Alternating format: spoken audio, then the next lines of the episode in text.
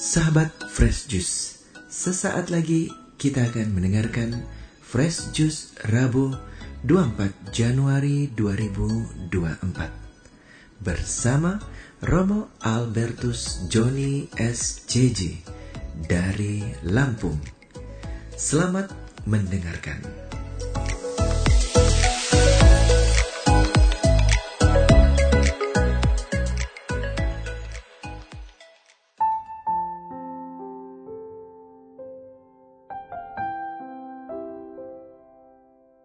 Sahabat dari Fresh Juice yang diberkati Tuhan, salam Fresh Juice. Saya Romo Albertus Joni SEY dari komunitas SMA Yosudarso Metro, Koskupat Tanjung Daran, mengundangmu hari ini, tanggal 24 Januari 2024, untuk masuk ke wilayah sabda Tuhan yang menghidupkan, yang menyegarkan. Maka siapkan batin, mintalah rahmat roh kudus, supaya dia bekerja, berbisik di kedalaman hatimu, dan kau dapat mendengarkan suaranya dengan hati yang tenang, tulus, dan gembira.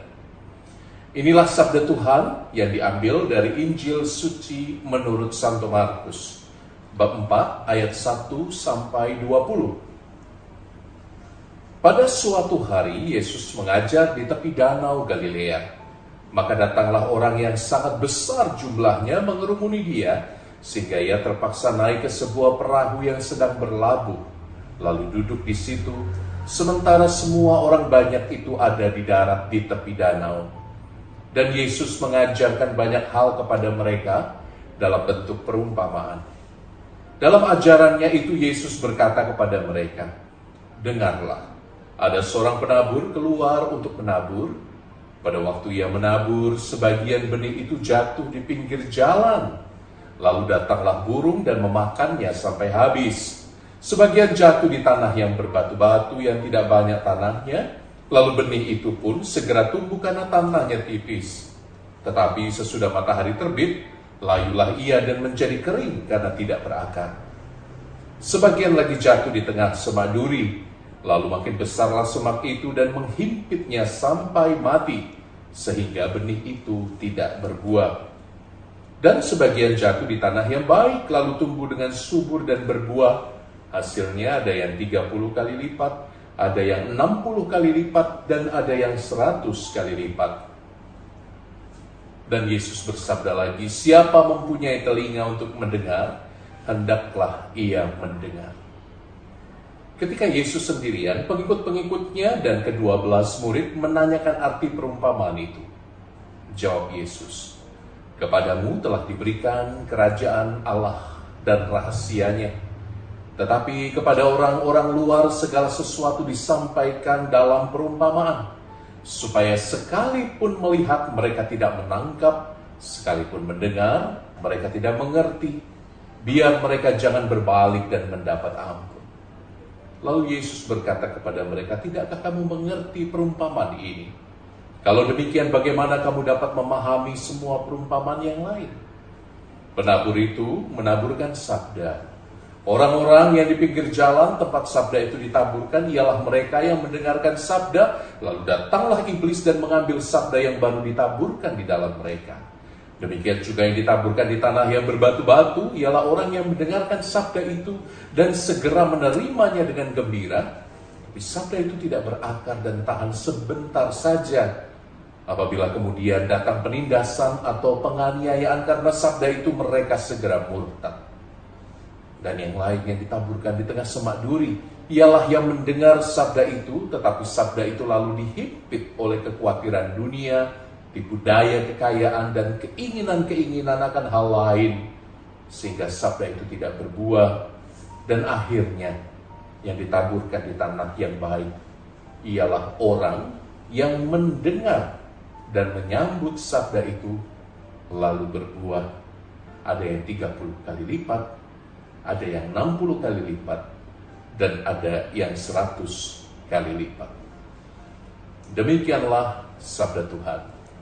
Terpujilah Kristus. Sahabat dari Fresh Juice yang diberkati Tuhan, salam Fresh Juice. Ketika saya mendapatkan pengumuman bahwa boleh tabisan imamat kurang lebih 10 tahun yang lalu. Hati saya bergetar. Bergetar bukan karena gembira, tapi karena saya merasa cemas, merasa khawatir. Apakah ini sungguh jalan yang Tuhan pilih untuk saya? Pikiran saya hanya satu waktu itu. Siapa yang akan mengurus papi dan mami saya? Sementara keluarga masih sedang berjuang, adik-adik masih harus menyelesaikan kuliah, dan kakaknya yang paling tua malah memutuskan untuk menjadi imam yang yang tidak bisa menghasilkan keuntungan finansial apa pun untuk keluarga, untuk papi dan mami. Alkisah saya pulang ke Jambi, rumah mama, dan saya mengutarakan kecemasan saya ini. Mama, saya boleh ditabiskan tapi saya ragu apakah ini sungguh jalan yang Tuhan pilih. Tiba-tiba mami saya tanpa banyak diskusi, mungkin karena beliau sionya macan itu ya, berubah dengan tatapan mata yang tajam sambil memarahi saya habis-habisan. Dan puncaknya adalah dia mengatakan seperti ini, kamu bukan anak mami lagi. Sejak kamu mengikatkan diri di biara, kamu sudah jadi anaknya Bunda Maria. Tidak perlu takut tidak perlu khawatir. Mami akan dijaga oleh Bunda Maria. Dan itulah momen yang sampai hari ini masih saya ingat. Saudari-saudaraku yang terkasih dalam Kristus, kita yang hidup di zaman modern ini menyimpan begitu banyak kekhawatiran. Kita menyimpan begitu banyak kecemasan yang tidak perlu bahkan sampai pada titik di mana sabda Allah yang ditanamkan di dalam hati kita tidak bisa berakar atau terhimpit atau bahkan hilang dimakan oleh si burung itu ya.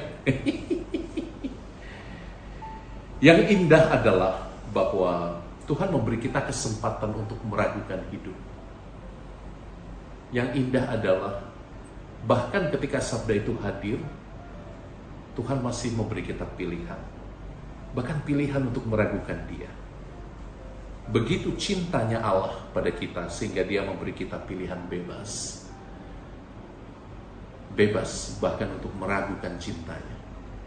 Saudari-saudaraku, cinta yang begitu dalam dari Tuhan ini tampaknya bagi orang modern saat ini menjadi jawaban yang paling utama hanya ketika kita kembali berlabuh di dalam cinta Allah, kita dapat menemukan jawab atas semua kekhawatiran dan kecemasan kita yang tidak perlu. Saudari-saudaraku yang diberkati Tuhan, untuk engkau yang saat ini bergulat dalam banyak kekhawatiran, banyak kecemasan, semoga sabda Allah ini menyentuh hati. Semoga sabda yang dia ucapkan kepada putranya Yesus Engkaulah anak yang kukasihi, kepadamu aku berkenan. Semoga engkau juga punya kapasitas untuk mendengarkan suara itu. Semoga engkau yakin benar-benar bahwa engkau sungguh dicintai. Engkau berharga di mata Allah. Dan seluruh kisah kasih Allah dalam Alkitab menuliskan dengan tinta emas betapa dia sayang pada kita. Aku yang menenun engkau Aku yang membentuk buah pinggangmu. Aku kenal namamu. Bahkan kalau ibumu menolak engkau, aku sekali-kali tidak akan pernah meninggalkan engkau.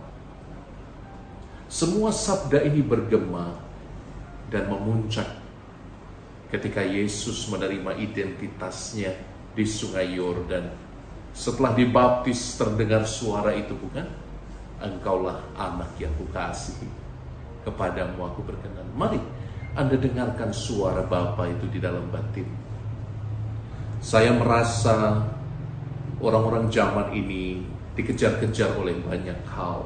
Oleh deadline, dikejar oleh tuntutan hidup, dikejar oleh begitu banyak hal di luar diri kita yang yang kadang-kadang membuat kita ah mengapa? I can feel you. Saya dapat merasakan. Tapi di tengah semua tuntutan hidup itu, sejenak ambil waktu untuk mendengar kembali suara Bapa. Engkaulah anak yang kukasihi, kepadamu aku berkenan. Dan pelan-pelan kekhawatiranmu akan menghilang.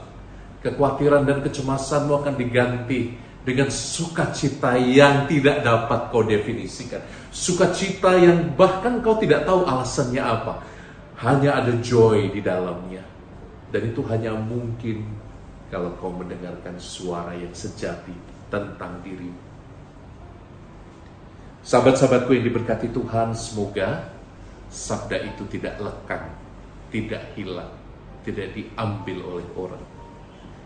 Kalau engkau betul-betul berakar di dalam sabda itu, niscaya, niscaya, apa pun yang terjadi dalam hidupmu, engkau tidak akan banyak goncang dan bergoyang.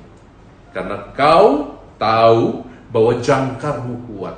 Karena kau tahu bahwa pilihanmu untuk ikut Yesus adalah pilihan untuk bersuka cita dalam kesejatian hidup. Kesejatian hidup yang tidak ditentukan dari isi dompet.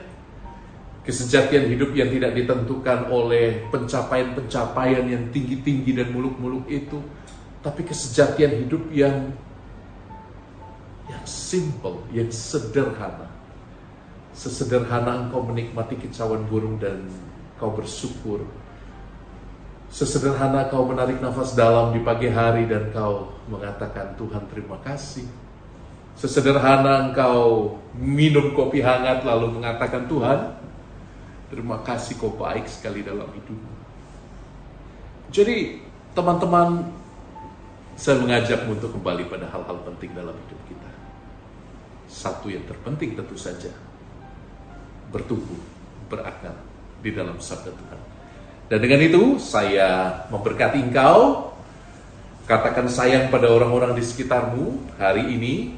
Usahakan mendengarkan suara Allah yang mengasihi engkau lewat orang-orang yang selalu mendukung dan menyayangimu tapi jarang kau sapa. dan alih-alih main game atau nonton Netflix, mungkin hari ini engkau bisa pergi makan dengan orang-orang yang kau sayangi dan bilang terima kasih Kau sudah jadi jalan Tuhan untuk membuat hidupku jauh lebih baik. Tuhan memberkatimu sahabat dalam nama Bapa dan Putra dan Roh Kudus. Amin. Salam Fresh Juice. Ciao. Sahabat Fresh Juice, kita baru saja mendengarkan Fresh Juice Rabu 24 Januari 2024. Terima kasih kepada Romo Albertus Joni untuk renungannya pada hari ini. Sampai berjumpa kembali dalam Fresh Juice edisi selanjutnya. Tetap semangat, jaga kesehatan, dan salam Fresh Juice.